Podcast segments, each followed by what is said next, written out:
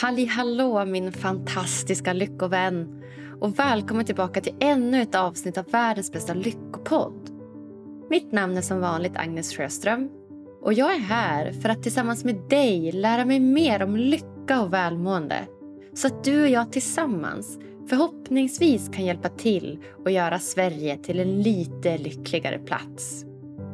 Och välkomna ska ni vara tillbaka till ett andra avsnitt tillsammans med meditationsgurun själv, Axel Wennhall.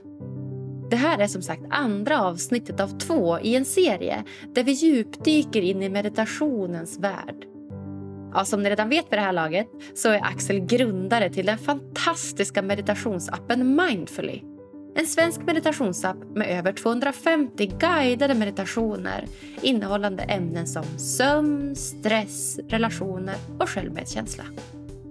Ja, I avsnitt 196 då pratade jag och Axel mycket om de teoretiska effekterna av meditation. Idag dyker vi istället in i mer praktiska upplevelser. Vad händer när du mediterar? Vilka är de faktiska upplevelserna, good and bad? Vilka är utmaningarna och vilka är vinsterna? Av Mindfully erbjuder nämligen dagliga meditationer och nu under januari månad så körde de också en meditationsutmaning som gick ut på att meditera 28 dagar i sträck. Och den hakade både jag och Axel på. Så mer om våra positiva och utmanande upplevelser av meditation i dagens avsnitt. Och hörni, trots att januariutmaningen är förbi så har jag fortfarande den stora äran att kunna erbjuda dig som lyssnar på Lyckopodden 30 dagars gratis provperiod av appen Mindfully. Ja, det är helt perfekt om du precis som jag vill inleda det nya året med en riktig lyckorutin. Och du kan avsluta prenumerationen när du helst vill under provperioden utan att debiteras.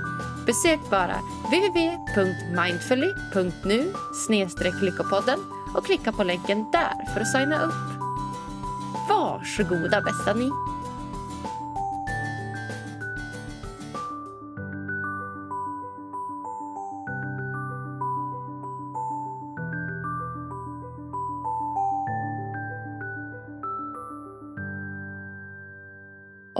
Alright, varmt välkommen till Lyckopodden igen får vi säga, Axel Wennhall.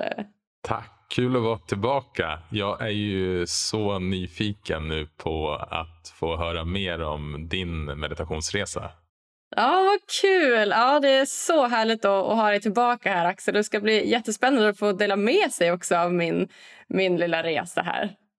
För sist vi eh, talades vid här i, innan jul, jag för mig, så, um, så pratade vi just om meditation. Och, och du skulle ju då börja försöka få till vanan att meditera. Och eh, Många som börjar meditera inser ganska snabbt att det allra svåraste är kanske inte just att meditera utan det är just att få till vanan. Så eh, jag vet inte, vart börjar vi? Var, hur, eh, hur har det gått? Vart, eh, vart befinner du dig nu? Ja, vart börjar vi Axel? Ja, men alltså, vilken, vilken månad det har varit. Vi har haft, jag har ju dykt in i er januariutmaning som ni har haft då, tillsammans med appen Mindfully. Och eh, Det har varit så himla spännande. Och Det har varit liksom högt och lågt. skulle jag säga. Det har dels varit ja, men, kul och lärorikt, också lite jobbigt stundtals. Så, oh, nu måste jag meditera igen. Och Ibland om man kanske inte har varit i så bra stadie så har det varit att ja, men, man kanske inte har velat stänga in sig med sig själv med sina känslor. Så det har verkligen varit högt och lågt ska jag säga. Mm. Och vilken härlig början vi hade här måste jag också eh, avslöja för lyssnarna. Vi satt ju och mediterade en, och blev det två, tre minuter tillsammans, bara du och jag. Så att mitt stadie just nu är att jag känner mig väldigt, väldigt närvarande. Mm. Men eh, visst stämmer det att du tjuvstartade lite grann? Eh, januariutmaningen började ju här 3 januari efter nyår. Men eh, du satte igång egentligen direkt efter vi pratade sist va? Alltså, det kan stämma, Axel. Det kan stämma. Jag kanske tjuvstartade lite. Alltså, ja. Jag kunde liksom inte riktigt hålla mig. Så idag så har jag faktiskt en strike på 49 dagar och 578 minuter. Så det är bara woho! Jag känner wow. mig så stolt. Verkligen. Vi kanske kan börja där. Hur, um, mm. när du då beslöt det, jag tänker att den här tjuvstarten är väl den bästa tjuvstarten man kan ha. Om det är någon tjuvstart man ska ha i livet så är det väl att tjuvstarta och börja meditera, inte vänta. Utan att man tar tillfället i akt och gör det nu. Mm. Hur, ehm, hur liksom angrep du att du nu skulle försöka få till den här vanan att meditera? Vad tänkte du på? Hur eh, anpassade du ditt liv på något sätt för att försöka få till vanan? det jag började göra det var ju att jag var, framförallt så kände jag ju väldigt starkt att så här, jag hade väldigt stark inre drivkraft till att så här, Gud, jag vill verkligen prova på det här. Och det jag kände då var att jag upplevde att jag ville komma mer i kontakt med mig själv och mitt inre jag, min intuition, min inre röst, kalla det vad man vill. Men liksom den, den delen av mig som är sann och som, som talar från hjärtat. Och det var egentligen det som fick mig att säga, ah, det här, det här vill jag verkligen, verkligen prova på.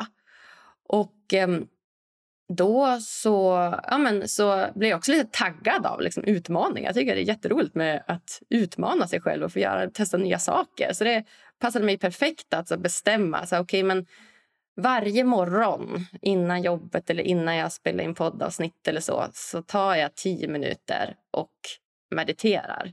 Just för att komma, ja, men, komma in i ett bra flow just den dagen och ja, men, hamna i ett bra stad helt enkelt för, för dagen. Så, att, så att för mig var det egentligen den liksom inre drivkraften och utmaningen som gjorde att så här, men det här, nu, nu kör vi. Som gjorde att jag inte ens kunde hejda mig. Jag bara började direkt. Mm. Och då när du valde att göra det på morgonen, har, det låter som att det har varit ungefär vid samma tid då på morgonen. Ja, men det har det. Alltså, mitt liv ser ut som så att jag som två dagar i veckan så jobbar jag på min anställning då som konsultchef. Och då börjar jag åtta varje morgon, så då har jag en klassisk eh, kontorstid. Så då har jag gjort det liksom sju varje morgon till exempel. Och sen så har jag som kunnat hålla i det också när jag jobbar med podden och har inspelningar och så. Så har jag också kunnat liksom hålla i det att ja, men varje morgon försöker jag vakna samma tid, varje vardag i vart fall. Då, vakna samma tid och, och meditera på morgonen. Ja, mm. jag tycker det har varit skitbra. Har du haft någon särskild plats du har mediterat på eller har du haft någonting runt omkring din meditation för att påminna dig eller kanske göra det lite mer mysigt? Eller hur har mm. du liksom satt dig i själva meditationsställningen?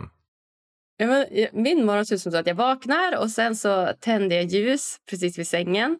Och eh, sen har jag också en jättehärlig rökelse som jag brukar tända som är en coconut. Den eh, luktar jättegott med kokosnöt. Och sen så tar jag ett eh, stort glas citronvatten och så sörplar jag i med det. Och sen efter det så, så kör jag meditation innan jag går upp och duschar och sminkar mig och gör mig redo för dagen helt enkelt. Mm. Ja, men int mm. Intressant att höra för just det här att addera meditationen till en redan befintlig rutin som det låter, låter som att just det här citronvattnet var för dig kan ju vara så himla hjälpsamt för att man placerar in meditationen i någonting som redan görs och på så sätt så ja, men egentligen övar man upp eller man tränar upp sin hjärna att, att bara komma ihåg att ja, men här finns ett utrymme för meditation och på så sätt går det mera per automatik och det är också så vi får till goda vanor och rutiner. Så intressant att höra. En, en sak som dök upp för mig nu och som jag är nyfiken på. Kände du att det var skillnad mellan vardagen och helgen? Var det svårare att få till det på helgen till exempel? Ja, men Bra fråga. Och det, det har varit svårare att få till det samma tid. Då är ju inte den här klassiska rutinen gå upp på morgonen. Men det som har hänt på helgen, alltså anledningen till att jag har lyckats liksom hålla i rutinen på helgen det är egentligen att jag har involverat dem jag umgåtts med. Så att, säg att jag till exempel är mycket i fjällen och då är det ofta ett stort gäng som bor tillsammans. Eller om jag är här i, ja, men i, i Umeå så är det också så att vi hänger ofta tillsammans på helgerna. mycket. Och då har det varit ganska enkelt att, eh, att involvera folk i det här. Att så här, men just det, ja, men jag har ju en, en utmaning här nu under, under januari. Ska ni bli med? Ska ni bli med och göra det här? Och då är det som att ja, alla bara, ja gud, oh, det måste vi testa. Och så har det bara de haka på. Och då är det bara nästan gett ännu mer positiv effekt. Att man så delad glädje, dubbel glädje-moden. Hur har det varit att, att dela meditationsstunden? Har du märkt någon skillnad i er kontakt, eh, i ert eh, umgänge efter det? Har det dykt upp några frågor efter ni har mediterat? Ja, jag tycker att det blir mer intimt med de personerna man gör det med. Alltså man, man kommer lite, lite närmare dem på något sätt. Det är liksom det här spacet av den här så kallade tystnaden blir någonstans okej. Okay. Istället för att det ska vara eh, pinsam tystnad eller att man ska hålla igång ett samtal så, blir det, så vänder man på det nästan. Och så här, men nu, nu ska vi vara tysta tillsammans. Och det öppnar upp för ett väldigt så här, intimt och fint space, tycker jag. Och jag tycker att det kan upplevas lite svårare just för att det är lätt att min uppmärksamhet gärna hamnar på de andra. Att så här, oh, hur går det för dem och vad gör de nu? Man kanske vill tjuvkika lite om man blundar och bara undrar om de tycker att det funkar eller inte. Du vet, att man hamnar lite de ja, men andra tankar. Eh, så att på något sätt kanske det är lättare att göra själv men men jag tycker också att det är ett fint space att få dela och, den här ja, men stunden med andra. Så skulle jag säga. Mm. Eh, jag tycker meditationen är så fantastisk på det sättet att egentligen vad den hjälper oss att göra är just att bli lite mer medveten. Och jag känner igen det där som du beskriver nu att om man gör någonting med andra så är det lätt hänt att ens tankar och ens uppmärksamhet börjar vända sig utåt och fundera på ja, men hur, som du beskrev, hur är det för dem etc. Och Nyckeln där är ju bara att bli medveten om, aha, okej, okay. i, i sällskap med andra så tenderar mina tankar och min uppmärksamhet att flytta ut oss. Intressant. Okej, okay. och nu är jag medveten och då har jag ett val. Och Då kan jag plocka tillbaka uppmärksamheten in i mig själv och komma ihåg att meditationen är kanske den enda stunden på den här dagen då jag bara ska observera allting, då jag inte ska följa med tankarnas flöde. Och just den här medvetenheten är ju, det är det som är nyckeln. För det är det som vi blir medvetna om som vi också kan förändra. Och det är där vi har ett val, så det är det som är så himla intressant. Ja men verkligen. Och det där tycker jag att du förklarar så himla bra i de här eh, meditationerna. De här eh, ja, men, eh, meditationsutmaningarna som vi har haft. De här dagliga tio minuters meditationerna. Att, att som du säger, oftast när vi sitter och mediterar så är det ju i princip ofrånkomligt att ja, men tankarna ska flyga iväg och att du då ständigt påminner om att det är just den här medvetenheten och att vi har ett val att rikta om uppmärksamheten som, som är liksom själva meditationen. Och det jag tycker är väldigt enkelt i de här meditationerna att just bli guidad tillbaka. För, och att du gör det liksom ofta med ja, men lagom intervaller så, så att man hinner liksom rikta om uppmärksamheten och sen så flyger tankarna iväg och så får man tillbaka till medvetenheten, rikta om uppmärksamheten. Så, så det är det som är liksom träningen känns det som.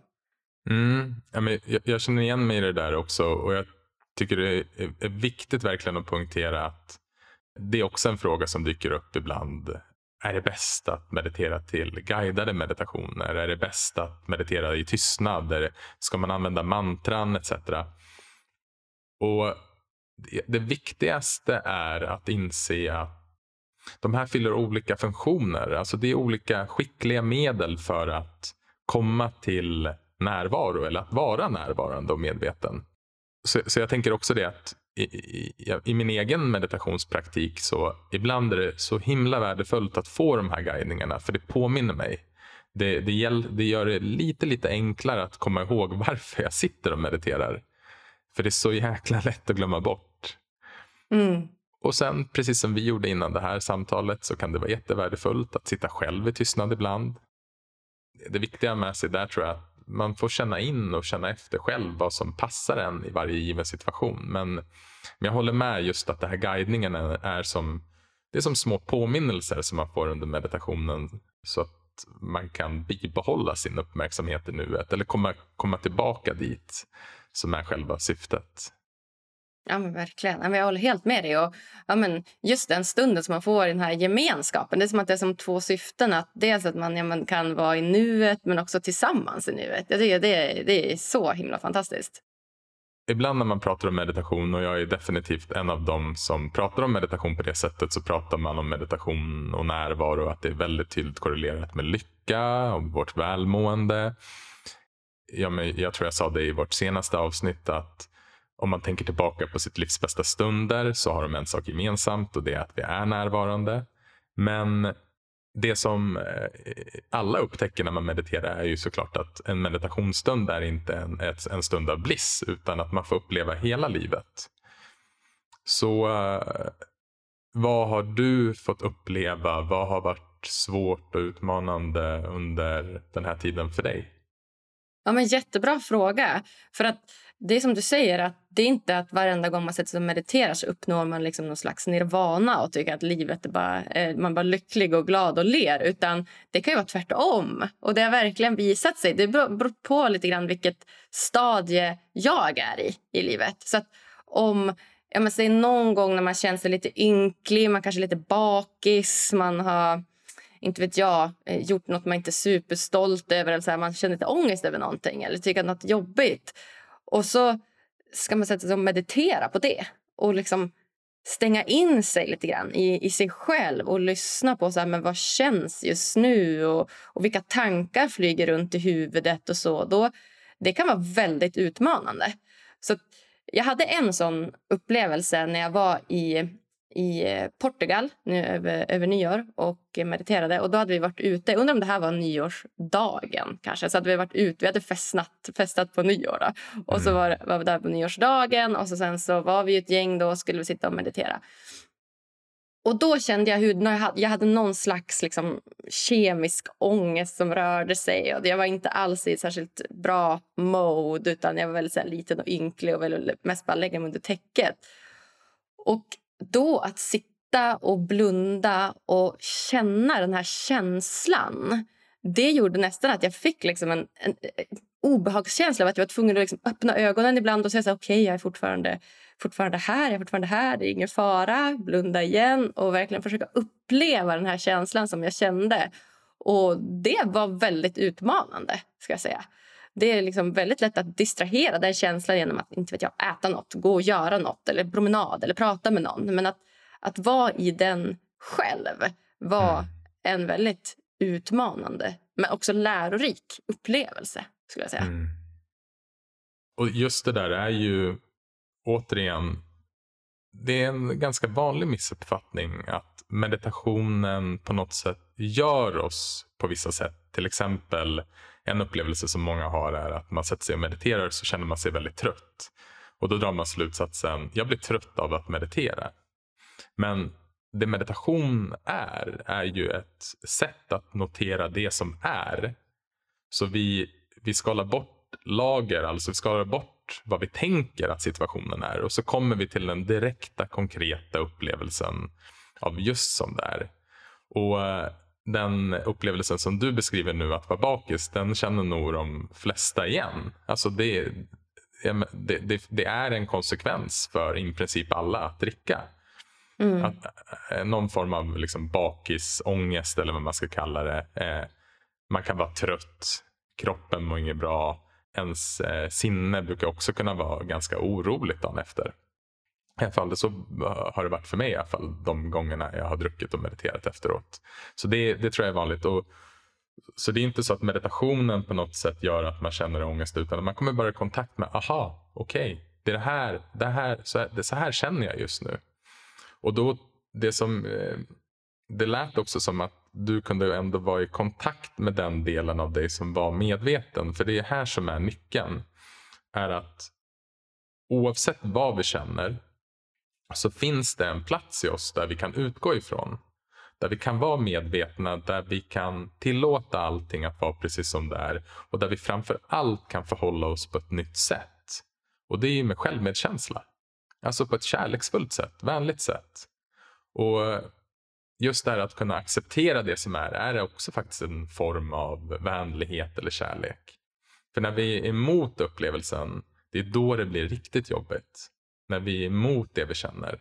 Och det är självklart att man inte vill känna någon form av ångest eller kemisk ångest. Men är det det vi har just då så blir det tyvärr bara värre att vara emot det. Känner du själv att du bemöter dig själv på ett annat sätt idag än du gjorde när du började meditera? Känner du att den här övningen också har varit en övning i vänlighet? Jag, menar alltså, jag känner att det är ju den största skillnaden egentligen. Alltså det är den största skillnaden i att jag inte behöver identifiera mig så mycket med den här ångesten. Att jag är inte den här ångesten. Utan att jag då den, den dagen och den stunden kunde ändå förstå så här, okej, okay, det här är min upplevelse just nu. Och Jag kunde också koppla lite grann till gårdagen, varför jag känner så. Och att acceptera att så här, men jag känner så här just nu. Det kommer inte för alltid vara så, men det är så just nu och det är okej. Okay. Och det har ju verkligen varit för mig den största skillnaden. Just den här delen att du behöver varken identifiera dig med det du känner eller med det du tänker.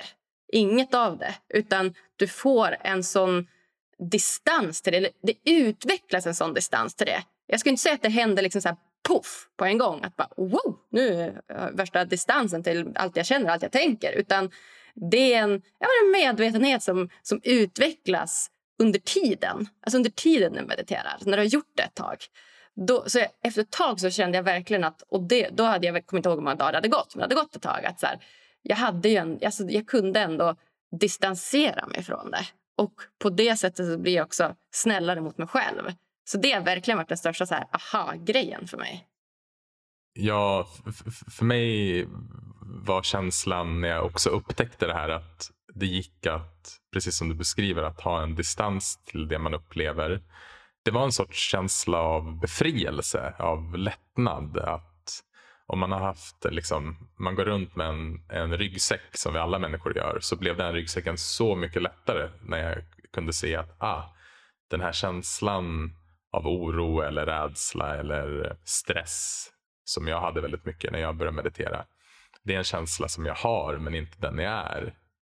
Det, och det är ju, jag menar för mig är det en, det är en definition av mänsklig frihet. Och sen också börja då kunna bli mer medveten och upptäcka, okej okay, men vad är det som orsakar de här känslorna? Vad, hur lever jag mitt liv? Och finns det några förändringar jag kan göra och vill göra som kan hjälpa mig att också hantera dem? För det är väl en annan sak som jag tänker kring meditationen. att Meditationen ger oss liksom ett första steg, en sorts medvetenhet om det som är. Och sen därifrån kan vi sen, eh, och det är därför också kallas en sorts visdomsövning.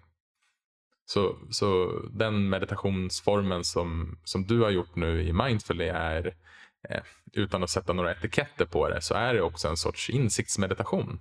Alltså man övar upp sin närvaro, att man kan vara kvar i det som är. Så även om man känner ångest så är det okej, okay, för det är det som händer. Det är inte så att vi på något sätt vill vara kvar i ångesten, men det är det som är. Och om vi är emot det så hålls det kvar. Så genom att kunna acceptera, tillåta och möta det vänligt så skapar vi just den här distansen som vi pratar om som ger oss möjlighet att vara kvar i upplevelsen och inte försvinna iväg. Och sen får vi också den här medvetenheten. Okej, okay, men vad, vad kan jag göra för förändringar? Hur vill jag leva mitt liv? Och det är jag också lite nyfiken på, för du pratade ju om att din intention var att du ville leva du vill komma mer i kontakt med dig själv. Och som jag minns det från vårt första samtal så handlade det också om att, att ta kanske vissa beslut eller att leva ditt liv utifrån, verkligen som var så autentiskt som möjligt för dig. Och kanske skilde sig från hur andra levde sitt liv. Du vill inte vara så styrd av andras tankar och idéer utan du ville verkligen utgå från, och när jag säger ditt hjärta så menar jag alltså från din essens, från dig själv, vad som var viktigt för dig. Mm. Har du märkt några skillnader där? Ja, ja men det har jag också gjort. Men jag, jag, har ju, jag tycker att det är lite svårt att leva ibland. Mm. jag, tycker att det, jag tycker att det är lätt att påverkas av normer och mallar och regler. Mm. Om man tar... Men om man tar bara yrkesmässigt så har det ju varit utmanande att då driva eget, till exempel, då, som jag vill göra då via podden och stå på egna ben där rent ekonomiskt. Och eh, jag tycker det är lätt att man puttas in i den här mallen av 8-17. Att ja, men, ja, men ska du inte ha en mer stadig inkomst och ska du inte göra det och det? Och du vet att att man, ja, men går lite grann utanför, utanför normen och kanske inte har den trygga inkomsten till en början utan man hellre väljer att bygga upp ett företag och att man ja, men jag har haft så svårt när någon annan ska styra över min tid. Att jag ska vara på ett ställe du vet 8-17 precis. Varför ska jag vara där 8-17? Jag kan väl jobba när jag känner mig inspirerad till att jobba. Alltså, lite, lite så har jag alltid tänkt. Och, ja, men lite samma sak med boende. Att, ja, men, ja, men det är så vanligt idag att vi har små ettor och små tvåor. Att vi bor antingen själva eller tillsammans med vår partner. Och, men jag skulle vilja ha liksom en stort hus och bo med liksom alla mina vänner och olika nya vänner och par liksom kollektivt med på ett sätt. Och, och Det känns inte heller särskilt normmässigt. utan Det är lätt att ja, men, ha nu när jag letar lägenhet då ska jag leta en, ja, men en etta eller två om jag bor själv eller en ja, men trea, fyra om jag bor med min partner. Liksom. Att, och att ja, men man lätt blir fast i det. och så där, där försöker jag vara väldigt sann mot mig själv och uppleva att jag behöver vara, tar väldigt mycket tid för att känna in det här. För att inte hamna i de klassiska mallerna. Och Istället för att jag egentligen har börjat liksom jaga andra alternativ eller så här, jaga saker som, som jag vill ja, men uppnå så har jag mer kanske satt mig liksom i lite baksätet och väntat och känt in att så här, vad, vad känns bra för mig. Och då på något konstigt sätt så blir det som att de alternativen också ramlar över mig lite på ett annat sätt. Så när man sitter liksom lite mer bakåtlutad i båten och avvaktar och ja, men, skapar sig sitt umgänge med dem man trivs med, gör de sakerna som man trivs av mer och mer så är det som att det börjar falla lite på plats. Men, men jag tycker att man hela tiden måste vara lite obs på att inte liksom ramla in i vad andra vill eh, mm. eller vad som förväntas av en. Så att, så där är jag nog också mer noggrann nu idag och försöker verkligen följa det i mig. Mm.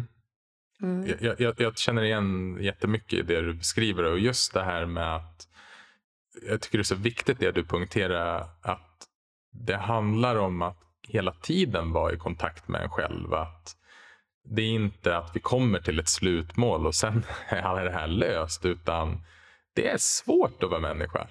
Ja, det är svårt att vara människa. Alltså. Ja. Det är utmanande. Men det som jag tycker är så fint att det också det finns så mycket hopp och att vi när vi får kontakt med oss själva med den här klokare delen av oss så vet vi ju vad som är sant för oss. Mm. Och, och, precis som du beskriver, jag tycker det är så fint att närvaro och medvetenhet är mera som en väg att gå och ibland så råkar man gå lite vilse och så kommer man tillbaka och det är precis det meditation hjälper oss med. Att, eh, ja, men så att vi går på vägen helt enkelt. Och en, en annan sån här grej som jag också tänkte på när du beskrev det där är just det här att när man börjar bli mer medveten och komma mer i kontakt med sig själv så kommer man komma till olika val i livet. Och, och Det tror jag också är viktigt att, att förstå att det finns två typer av olika två typer av smärta. Den ena smärtan det är när man väljer att stanna kvar i det som man kanske har haft, som man är trygg med. Men där man har en känsla av hmm, ja, men jag skulle nog vilja göra någonting annat. Det finns någonting som är mera sant för mig. Så det är någon som de kallar regressiv smärta. Att man, man, man ångrar lite grann att man inte vågar ta klivet. Så man är kvar i den där att ah, varför gjorde jag inte det eller varför gör jag inte det? Så då kommer man uppleva den typen av smärta. Men när man sen då väljer att ta de här besluten som kanske inte är helt konventionella, där eh, man går till sig själv och undersöker, jo men det här är faktiskt det jag verkligen vill. Då kommer man få uppleva en annan sorts smärta. En pro mer progressiv smärta för att man ger sig ut i någonting som är okänt. Och det är därför också jag brukar kalla den här inre resan för ett inre äventyr. För det är, väl sin, det, är liksom, det är ju metaforen av ett äventyr. Man ger sig ut i det okända, man har ingen aning om vad som händer. Men då är det ju så himla viktigt att kunna öva upp de här egenskaperna av nyfikenhet, ärlighet mot sig själv så man också håller sig kvar på vägen, acceptans att man, ja, det kanske inte blev som man tänkt sig. Det kanske aldrig blir som man tänker sig. Men, men det är okej, okay, för det är det som händer. Så att man börjar leva i samklang med livet och verkligheten istället för att försöka kämpa emot. Och sen en himla stor portion liksom medkänsla. Att vara vänlig mot sig själv. Att ah, okej, okay, men livet är tufft och det betyder att det, livet är troligtvis tufft för min granne och min kompis och min kollega.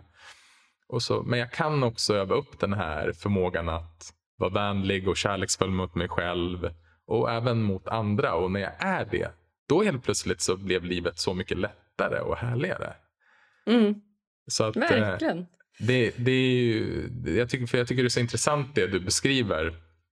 För det, det jag upplever, eller det jag hör dig, är ju att så här, nu, det här är vad det innebär för mig att leva ett autentiskt liv. Ja. ja, verkligen. Det är det. Och att hela tiden... Ja, men, Eh, att man hela tiden får, får passa sig lite. Alltså, att inte liksom göra som alla andra vill eller som alla andra tycker eller hamna i liksom normens banor. Och, och med det menar jag då att, så här, eh, jag menar, att fortsätta gå tillbaka till sig själv. Och att, jag menar, just meditationen ger mig verkligen det tillfället varje dag att grunda mig i mig själv och komma mer i kontakt med mig själv så att jag behåller den banan. För den är lätt, det är lätt att man snurrar ut och går på någon annans bana eller någon bana som man tror är rätt som, som kanske inte är det egentligen. Så att det, det, är, det är en, en utmaning. Men det är en utmaning som är värd att, att, att ta just för att, för att faktiskt ja, kunna göra det man själv vill. Så att, ja, men, mina planer framöver är att jag vill ju... Ja, men jag har ju verkligen byggt upp mitt liv så att det är fritt för mig. Alltså vad frihet är för mig. Alltså att jag har ett yrke, och just nu två yrken då, som jag kan göra vartifrån jag vill. Jag har två yrken som jag går till för att det är kul och inte för att det drivs av pengar. Och jag ja, men har den här flexibiliteten att jag kan jobba vartifrån Sverige jag vill. Jag är lite sugen på tillbaka till Stockholm här till, till sommaren. Och då är det jätteviktigt för mig att, att inget kan stoppa det i mitt liv. Eftersom att det är det som, som känns rätt för mig. Det är det jag vill göra. Och då är det jätteviktigt för mig att faktiskt kunna göra det och att inte något håller mig tillbaka bara för att det är en mall eller en norm eller så. så att, att, att kunna känna att jag faktiskt kan, kan göra de här delarna, det gör mig väldigt, väldigt lycklig. Men jag hade nog inte känt att jag var så fri om jag inte faktiskt hade gått till mig själv och funderat så här, vad är viktigt för mig. Och att då kunna bygga upp livet efter det istället för vad man tror eller att man inte reflekterat över nåt utan att man bara gör. Så det, det är en stor skillnad, tycker jag. Mm. Ja, men jag, jag, tror också en så missuppfattning som i alla fall jag själv har haft är att när jag kommer i kontakt med mig själv så då kommer allting vara lätt. Men, men i själva verket så när jag kommer i kontakt med mig själv så upptäcker jag också ganska många gånger att jäklar, här behöver jag göra en förändring. Och att skapa en förändring gör ju oss människor väldigt rädda ibland. Mm. Och då är, där är nyckeln att, att kunna se att okej, okay, men jag är rädd och det, är, det känns så himla himla läskigt. Men det är inte farligt. Utan den här rädslan, det går att möta den och det går att se att okej, okay, men om jag gör det jag själv vill så kan jag komma ut på andra sidan. Jag har fortfarande varit rädd, jag har fortfarande känt den här rädslan. Och det är väl det som är en sorts definition av mod, att kunna möta ens rädslor. Mm. Och, och också att eh, meditation kan hjälpa oss att se lite grann att många av våra rädslor, i princip alla våra rädslor, kommer från vad vi tänker om situationen. Mm. Så situationen i sig själv är inte så farlig. Men, men, det vi tänker om det skapar en sorts berättelse som, där det känns livsfarligt. Ja, ja. Och, och, och, det är också en sorts frihet. För då, för då har man också fått en större kapacitet att våga göra saker som är läskiga. Mm. Verkligen. verkligen. Och, och framförallt så tycker jag att den här inre rösten, som, eller den här liksom intentionen som man lyssnar på, den är ju inte alltid så logisk. Det är inte alltid jättelätt att följa den. Att den, att den ja, men, är vad ska man säga, enkel eller väldigt så här, maskulin och rak och liksom dört och dött, så här ska du göra. Utan det kan vara väldigt liksom flytande tycker jag. Att så här, den kanske vill både inte vet jag, åka till månen och åka till Mars samtidigt. Och så är det som att man bara, men vänta, hur ska jag göra det här? Och ska man då försöka komma fram till någon logisk lösning och väg. Så det att, att våga liksom bara känna in vad den känner utan att bli rädd för det också. Utan att tillåta det att, att vara så och se om det går att lösa på något sätt. Men att inte förvänta sig att det ska vara liksom en utstakad väg. Att så här, om du gör det här, så kommer det leda till det här, så kommer det leda till det här. Utan just nu så känns det här rätt. Och då är det det jag vill följa. Om ett tag så kanske känns något annat känns rätt. Och då är det det jag ska följa. Så det är ju som sagt en utmaning, men det är också det som känns väldigt rätt i mig att få, få utforska mer av. din eh, familj och dina vänner, har eh, de upplevt någon skillnad sen du har börjat meditera? Bra fråga! Alltså det hade jag nästan velat fråga dem. Alltså det jag tycker är den största skillnaden med mig själv det är att jag tycker typ att jag är en mer rolig person. Alltså jag, jag, jag tycker typ att så här, jag är mer lättsam och jag är typ så lite lättare till att skämta och skoja och du vet, inte ta så allvarligt på saker. utan det är så här, ja, men, du vet, kunna slänga iväg något skämt här och var och inte veta alls hur det ska landa. Och, ja, men, bara ja, men, ringa samtal till blivande kunder och bara, ja, men, inte så här, vara så klassisk hej jag heter Agnes utan så här, ja, men, tjenixen Gunnar, hur är läget med dig? Du vet, kunna vara lite mer skojig och skämtsam och rolig, tror jag. Jag hoppas att andra ser det också. det vet jag ju inte. vilken, vilken fin eh, egenskap att, eh, att få kontakt med. Och, eh, men just det här att, eh, att inte ta sig själv på lika stort allvar. Det är också en sån här befrielse, en lättnad att kunna jag tycker humorn så också, det, det, kanske, det kanske ska in där bland de här andra egenskaperna. För humor är ju när vi när man kan skratta åt sig själv eller kan skratta åt situationer, då vet man ju också att då har man kontakt med sig själv och den här klokare delen. Och inte den här delen som tycker att allting är så gravallvarligt, utan ja, men vad härligt att höra. Ja, men det har också varit en sån riktig befrielse. det känns ja, lite lättare och liksom lite ja, roligare som person. skulle Jag säga. Jag hoppas som sagt att andra också tycker det. Du var inne lite grann på att det hade, var någon stund där du upplevde svåra känslor. Har det funnits någonting annat som har varit svårt under, vad sa du nu, 49 dagar? 49 dagar och 578 minuter. Mm. Det är fantastiskt. Ja, ja, alltså det svåraste som jag tycker, eller som jag upplever dagligen är ett motstånd, eller motstånd, men något som jag upplever ofta det är ju att jag kommer hamna lätt i prestationen. Alltså det är det som är när jag mediterar. Att, att det är en prestation. Att lite... att så här, och igår gick det så himla bra. Igår lyckades jag inte flyga iväg i tanken, men idag gör jag det. Och så bara, Jag var duktigare igår än vad jag är idag. Och mm, ja, men hamna lite i den med så här, duktighetsflickan än att göra det för att bara vara här och nu. Och, men det är som du säger, det är bara ja, men igen att inse det, att bli medveten om det. Alltså, mm. ja, nu är jag här i prestationen igen, spännande. Och så ja, men, acceptera det och, och, gå vidare. Men, men jag har svårt att, att eh, ja, men jag märker att jag har svårt att släppa den delen, verkligen. Mm. Mm. Ja, mm. nej men vi, vi alla har ju olika delpersonligheter och de här delpersonligheterna eh, lär man ju sig känna också när man mediterar. Och um, just det du beskriver är ju det här Eh, att vi, vi är så vana med att jämföra oss själva, att vi ska ta oss någonstans. Och, det, och man kan ju se den här presteraren som ett fantastiskt verktyg. Den här presteraren behövs för att du ska kunna uppfylla alla dina drömmar eh, och för att du ska kunna leva ett autentiskt liv. Problemet blir ju, precis som när du beskriver, som när vi identifierar oss med den här delen. Som eh, ska se att okej, okay, men den här gången var jag sämre eller bättre på meditation. Och, men återigen, nyckeln är ah, i medvetenheten, där finns den här, vi skulle kunna kalla det nåden. Alltså det finns den här, ah, jag ser presteraren. Jag ser hur jag identifierar mig med den. Och eftersom, eftersom jag ser det här så kan det inte vara den jag sant är. Jag är mm. medveten om det här mönstret. Okej. Okay. Och jag, i den medvetenheten, ah. Och, och, där tror jag också en, en nyckel i ens meditationspraktik. Det är, det är när man börjar förändra. Och, och jag menar, det här, det här kan komma snabbt, det kan dröja jättelänge. Men det är när man börjar, istället för att känna, åh nej, nu identifierar jag mig, identif identifierar mig med presteraren. Så börjar man känna så här, ah, man blir, man blir nästan lite glad och tacksam att man upptäckte, ah, nu upptäckte den här igen. Wow! Mm.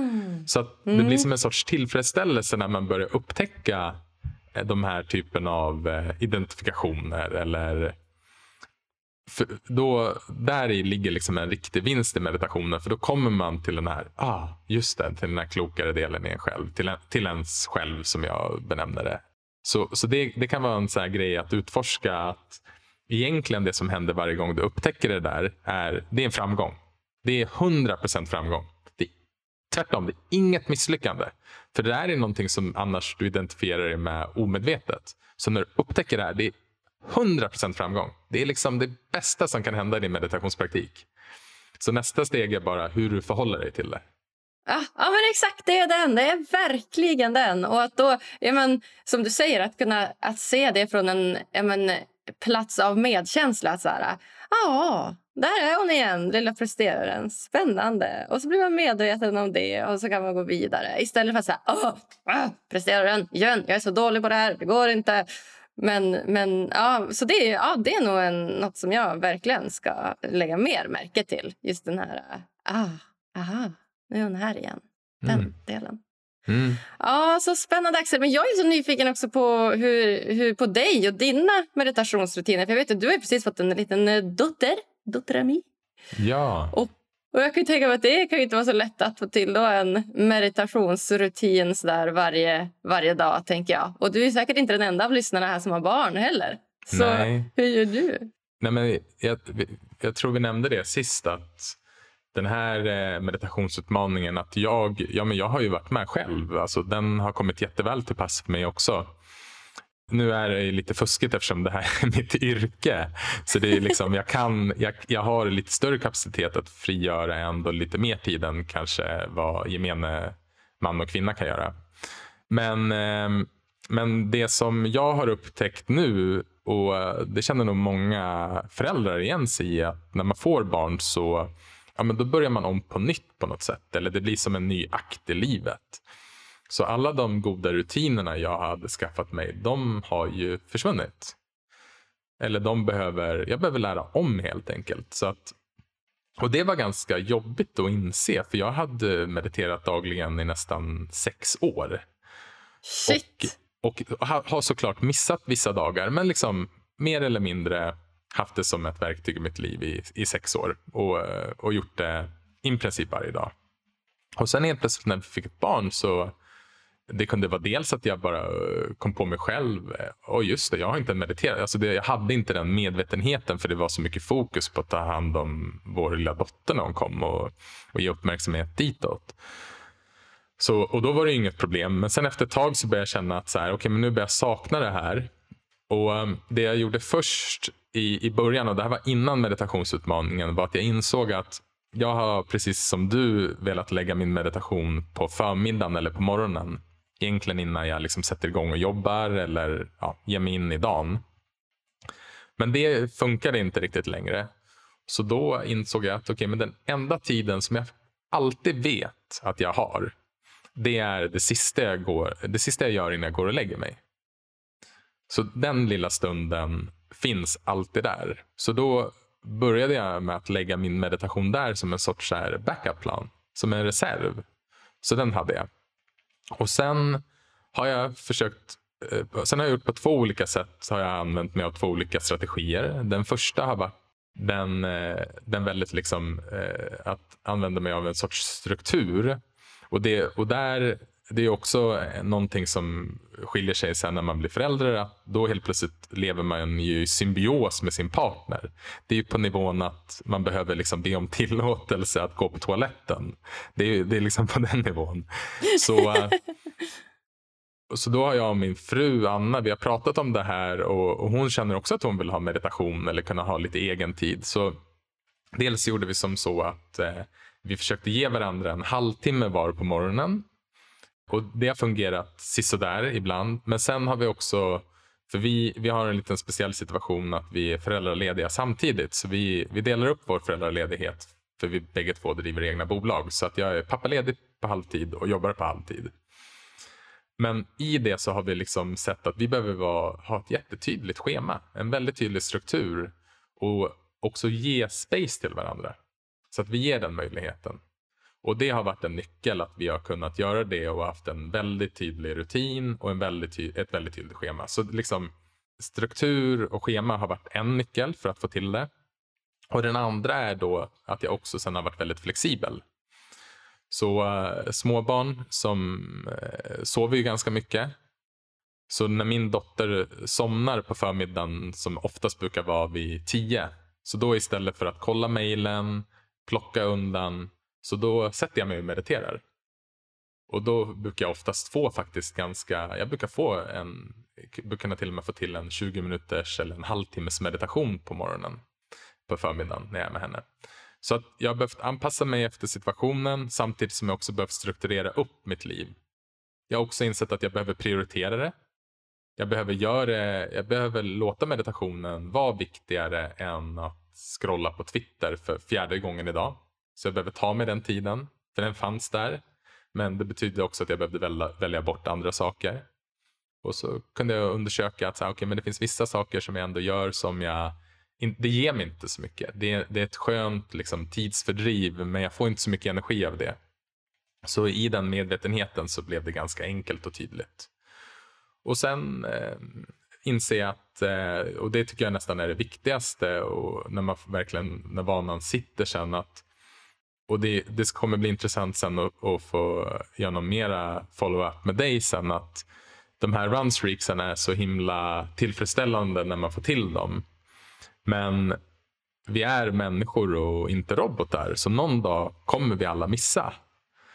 Och då att komma i kontakt med att just det, men meditationen handlade inte om att jag skulle nå ett visst antal dagar i rad. Utan det hjälper mig att vara i kontakt med mig själv, att kunna vara närvarande och medveten just nu, just idag. Då har man också en annan typ av motivation. Så då spelar inte den här runstreaken lika stor roll. Så där, eh, den insikten ja, men, har ju också hjälpt mig att så här, ja, men jag missar en dag, okej, okay, det, det, det, spelar ingen roll. Men jag vill meditera nu. Och jag vill ha det, ha det som ett verktyg i mitt liv idag. Och det hjälper mig också att motivera. Och sen lite det som eh, vi pratade om sist, att jag märker ju att jag tyckte det där det du beskrev med humor var så himla roligt. Alltså så här, vem vill inte hänga med dig när du har tillgång, när du liksom eh, har tillgång till din humor och när du liksom reser lätt genom livet. Och, och för mig kan det bara vara att eh, ja, men jag kan, jag liksom, eh, några av mina, eh, om vi ska kalla det mörkare sidor, att jag kan vara liksom lite så här, som en gammal sur gammal gubbe. Så typ så här, när jag mediterar så är jag mindre som en sur gammal gubbe. Så att det, det, är, det är roligare för mig själv och framförallt för min eh, familj. Liksom. Jag, jag vill ju kunna vara närvarande med dem och vara, ha, ha den här lättheten i livet. Och det får jag tillgång till mycket, mycket mer när jag mediterar. Vad härligt. men så härligt. men jag håller helt med dig. vi pratade faktiskt just om den här äh, striken igår, jag och en kompis. Att så här, äh, jag bara, alltså, för jag tyck, Det är också lite prestationen i mig. Att så här, ah, 49 dagar, jag ska uppnå 50. Och så bara, men 50, jag ska uppnå 100. Och, eh, på ett sätt är det helt fantastiskt. För Det är ju verkligen en, en men, motivation för mig. Jag tycker att det känns så, så roligt att liksom, ja, men, att bygga på den här striken. För då vet jag att jag har gjort någonting för mig själv i så här många dagar. Och jag har ju en, liksom, en inre motivation i det här också som, som, som talar om för mig att ja, men jag gör ju det här för att jag vill komma mer i kontakt med mig själv. Men det ska bli spännande också att se liksom, hur jag hanterar det den dagen som jag faktiskt kommer att glömma det. Alltså den dagen som min strike försvinner. Att så här, för nu upplever jag att jag är i ett så himla bra stadie i livet. Alltså, jag upplever att jag är mer humoristisk. Jag upplever att jag identifierar mig inte lika mycket med mina tankar och känslor. Jag är, känner mig lugnare på ett emotionellt plan. Jag kommer mer i kontakt med mina känslor. Och en stor del av det här är jag helt säker på att det är på grund av den här meditationen. Så att och det är lätt att bli lite hemmablind. Att säga, men det är så här jag är. Du vet, så, det är så här jag, jag är. För att man märker inte den här tydliga skillnaden tycker jag. Att så här, du går från att inte ha mediterat till att mediterat. Utan det är ju en liksom, period där, där ja, men som sakta men säkert gör att du hamnar i de här positiva eh, tillstånden. Så att det gäller ju att liksom, ja, som säger, göra det av rätt anledning. Min rekommendation är ju verkligen att ja, men meditera så mycket du kan. Kan du meditera dagligen så verkligen kör. Men det kan också vara så intressant det där för att det här återigen att man identifierar sig med den här presteraren som ska nå upp till 100 etc. Det kan vara en, och det här är bara för dig eller för lyssnaren som känner igen sig i det. och där jag också känner igen mig i det. Men där kan det faktiskt vara en nästan mer givande övning. Om man känner att så här, nu börjar meditationen bli, jag ska komma upp i det här målet. Så att det blir någon typ av framåtlutad riktning. Och då kan det nästan vara en, eh, en viktigare övning att sluta meditera en dag. Alltså släpp streaken. Så att du, du medvetet inte mediterar en dag. Och sen kan du ha med dig närvaron såklart i allting annat du gör. För det är ju också en del, alltså vi mediterar ju inte för att bli bra på meditation utan vi mediterar för att kunna ha med sig de här egenskaperna in i livet. Och det är någon sorts påminnelse vi får och vi övar upp den här förmågan att vara i kontakt med oss själva. Så det, det kan bara vara en intressant aspekt att se så här, vad händer om du medvetet går emot den här drivkraften att som ska nå upp till 100 eller 200 bara för att eh, skaka om systemet lite grann. Det är exakt det jag ska göra nu. Imorgon ska jag inte meditera. Nu har jag tagit 49 dagar. dagar. Ja, det, det blir ingen imorgon. Snyggt. Ja, skitbra Jättespännande. Ju. Ja. Och se jag upplever det. Så kommer du, och så kommer du säkert ha en del i dig som skriker. Hallå, är du galen? Vi är ju så nära 50. Du måste ja. göra 50. Okej? Okay? Ja, exakt. Okej. Okay. Ja. Jag behöver inte identifiera mig med den här rösten för jag har själv kommit i kontakt med mig själv och nu vill jag testa en dag utan. Ja, ja exakt så. Exakt så kommer det bli imorgon. Vad härligt. Tack för det Axel. Det var ju skitspännande. du, eh, vad har du för, du som ändå liksom nu eh, ja, men med största sannolikhet har fått till den här vanan. Jag menar att gör det ändå 50 dagar, 49 dagar i rad indikerar ju på det. Vad är, din, vad är dina bästa tips? Vad, vad skulle du säga till dina kompisar eller vad säger du till de som lyssnar på det här? Om du skulle sammanfatta, vad, vad har varit de bästa sätten för dig att få till vanan? De bästa sätten för mig att få till vanan? Skulle dels säga att gör det på en tidpunkt på dagen då du naturligt har en rutin som vi pratade om lite. Att för mig är det på morgonen. Att när jag har min stund med mitt citronvatten och mina tända ljus. Eller som för dig att du upplever samma på kvällen. Då, det är den tiden på dagen som jag vet att jag har en, en given stund. Så fundera ut den tiden på dagen för liksom för dig som lyssnar då att så här, vilken tid på dagen skulle vara lättast för mig att få till den här eh, rutinen. Så det är en sak. Och sen skulle jag också fundera på ja, men varför du gör det här. Igen, är det för att du ska uppnå striken? Eller är det för att du faktiskt genuint vill uppleva vad som händer när du kommer mer i kontakt med dig själv? Så att du vet varför du mediterar och gör det av rätt anledning. Gör det inte om det inte känns som att du faktiskt genuint vill. Då är det bättre att du satsar på någon annan rutin. Utan gör det för att du är nyfiken på vad kan det här betyda och ja, men, vad är ditt varför? Är det? Ja, jag skulle säga de två delarna. Och den sista är ju... Ja, men, jag, innan jag mediterade har jag tyckt det varit ganska svårt att bara sitta tyst och jag men, inte riktigt veta hur man mediterar. Alltså, men, vad, vad innebär det egentligen? Ja, du ska fokusera på andningen, men sen då? Så jag skulle säga ta hjälp av den här appen. Alltså ta hjälp av er app, Mindfully. För då får du så, du får ju ett verktyg som, som hjälper dig på vägen. Så du har ju de här dagliga meditationerna på tio minuter varje dag. Och tio minuter är oftast något som de flesta har varje dag. Och då är det bara att gå in på appen, klicka på daglig, daglig meditation och och gör den så, så guidar ju du dem. Och Det har varit jättehjälpsamt för mig att ha ett, ett verktyg som har hjälpt mig in i den här rutinen. skulle jag säga. Så de tre grejerna skulle jag säga. Vad, vad fint. Jag, jag tar med mig dina tips också i min fortsatta önskan att eh, meditera regelbundet. Ja, vad fint. Har du några fler tips som du tycker är bra?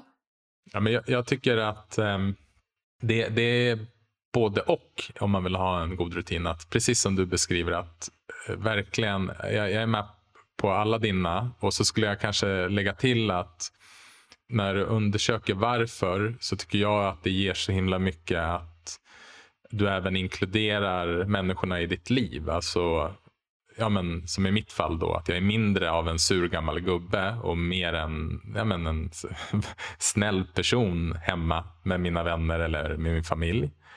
Så att min närvaro som jag övar upp också, att jag riktar den utåt. att jag på något sätt tillägnar min meditation och min intention varför jag mediterar till andra. Så att jag inkluderar ja, men, världen i, i min egen praktik. Och sen på samma sätt som att vi be, kan be, verkligen behöva och ha nytta av att ha en struktur och en eh, rutin och en sorts disciplin att göra ungefär vid samma tidpunkt per dag. Så tycker jag också att det fungerar som allra bäst när man också kan vara flexibel i det. Så till exempel ja men, en morgon, det bara kanske inte blev av. Och då är det så lätt hänt att man skiter i det. Men istället kanske det fanns eh, tre minuter på bussen. Då kan man göra en tre minuters meditation eller man kanske, ja, men som jag beskrev, man kan göra det sista man gör innan man går och lägger sig. För det är på något sätt då, då påminner man sig, jag tänker att meditationen också fyller den funktionen, att det är som en liten sorts påminnelse som hjälper oss att komma ihåg att vara medveten och närvarande.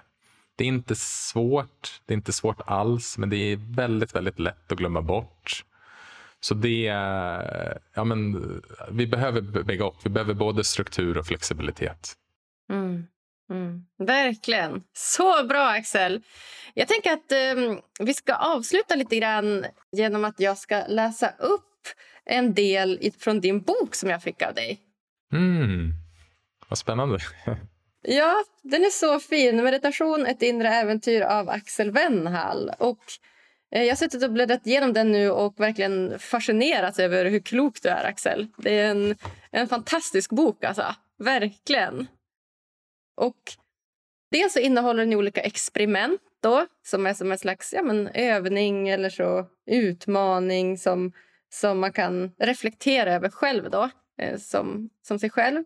Och Den innehåller väldigt mycket egna reflektioner, tycker jag och mycket andra kloka människors klokheter. Och jag gillade speciellt ett, ett kapitel som är ganska långt bak i boken eller som heter Milstolpar. Där du skrev ner dina milstolpar. Och De tyckte jag var så himla fina och de stack verkligen ut för mig. Så jag tänker att jag läser upp dem om det går bra. Ja, gärna. Då skrev du så här att... Eh, Längs min resa har jag upptäckt några milstolpar. Det är skiften i mitt sätt att vara och det är viktigt att poängtera att det inte är beständiga. Det kommer och går. Men jag upplever dem allt mer i mitt liv och det hjälper mig att se när jag är i kontakt med mig själv och när jag identifierar mig med egot. Det gemensamma med dem är att jag upplever expansion. När jag är närvarande utvidgas min upplevelse för att kontraheras när jag fastnar i tankar. Jag känner mig öppen istället för stängd, lätt istället för tung, fri istället för begränsad. Följande milstolpar har jag upptäckt i mitt inre äventyr. Och då har du som punktat upp några stycken här som jag tänker att jag ska läsa upp. Och Den första är då uppleva istället för att tänka. Den andra är tillåtande istället för att vara emot. Den tredje är självklart istället för tvivel. Tydlighet istället för otydlighet. För alla istället för bara mig själv. Utan agenda istället för med agenda. Sårbar istället för försvar. Beundran istället för avundsjuka. Att be om ursäkt istället för att ha rätt. Utforskande istället för sökande. Vänlig istället för kritisk. Kontakt istället för isolering och ensamhet. Kärlek istället för rädsla. Vilka milstolpar har du upptäckt i din resa? Och Det här tycker jag var så fantastiska tankar, eller vad ska man säga, motsatser på något sätt. Att kärlek istället för rädsla, vänlig istället för kritisk. Jag tycker att det, det var helt fantastisk sammanfattning egentligen av vad det här inre äventyret kan bjuda på. Mm. Och Jag tror att eh, efter dagens samtal så får vi lägga till en grej på listan och det är ju humor istället för allvar. Ja, bra! Den skulle också varit med ju. Den är helt fantastisk också. Mm, verkligen. Mm. Ja. ja, Axel, har du något eh, slutligen som du vill lägga till här innan vi lämnar varandra för idag? Ett ord som kom till mig bara förra veckan och så, som sammanfattar egentligen allt vad det här handlar om. Meditation, ett inre äventyr, en inre resa, vad vi än vill kalla det, är prova själv. Alltså utforska själv vad som är sant för dig. Och, så att alla de instruktionerna som kanske kommer i appen eller som man hör. Istället för att se dem som någon sorts sanning att försöka följa efter så kan man snarare se det som en, en fråga. Okej, okay, vad innebär det här? Vad innebär det till exempel att tillåta allt att vara precis som det är? Vad innebär det att vara nyfiken eller vänlig mot sig själv? Så att det blir mera som en sorts kontemplativ undersökande övning än att man ska bara följa en, en, en, riktning eller en väg. Utan det är, det, det är någon sorts, um, det är en sorts inbjudan att prova själv. Och uh, Det är så, på så sätt vi lär oss människor. Så det, det är väl eh, den, eh, det, det, liksom det sista jag kommer att tänka på. att det är en, och det är en påminnelse jag själv har som jag behöver påminna mig om hela tiden trots att jag jobbar med det här. Just det, vad handlar det om? Prova själv. Mm. Mm, verkligen så bra. Tillbaka till lyssna inte på vad alla andra säger. Lyssna inte på vad vi säger, utan prova själv. Lite så. Att ja, men faktiskt utforska din, din egna väg och se om något som, som passar för dig. Mm. Mm. Ja, fantastiskt, Axel. Jag säger bara tack, tack, tack snälla du för att du kom och gästade mig här på Läckarpodden. Mm, tack, Agnes. Och, eh, varmt grattis till att du ändå har mediterat så pass många dagar i rad. Och, och för de upptäckterna du har fått. Det är så himla fint att få ta del av och få lyssna till. Och eh, jag blir väldigt inspirerad själv att fortsätta meditera. Vilken riktig klippa han är, Axel.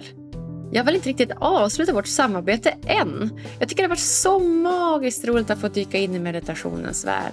Och vilken lyckorutin jag fått på köpet.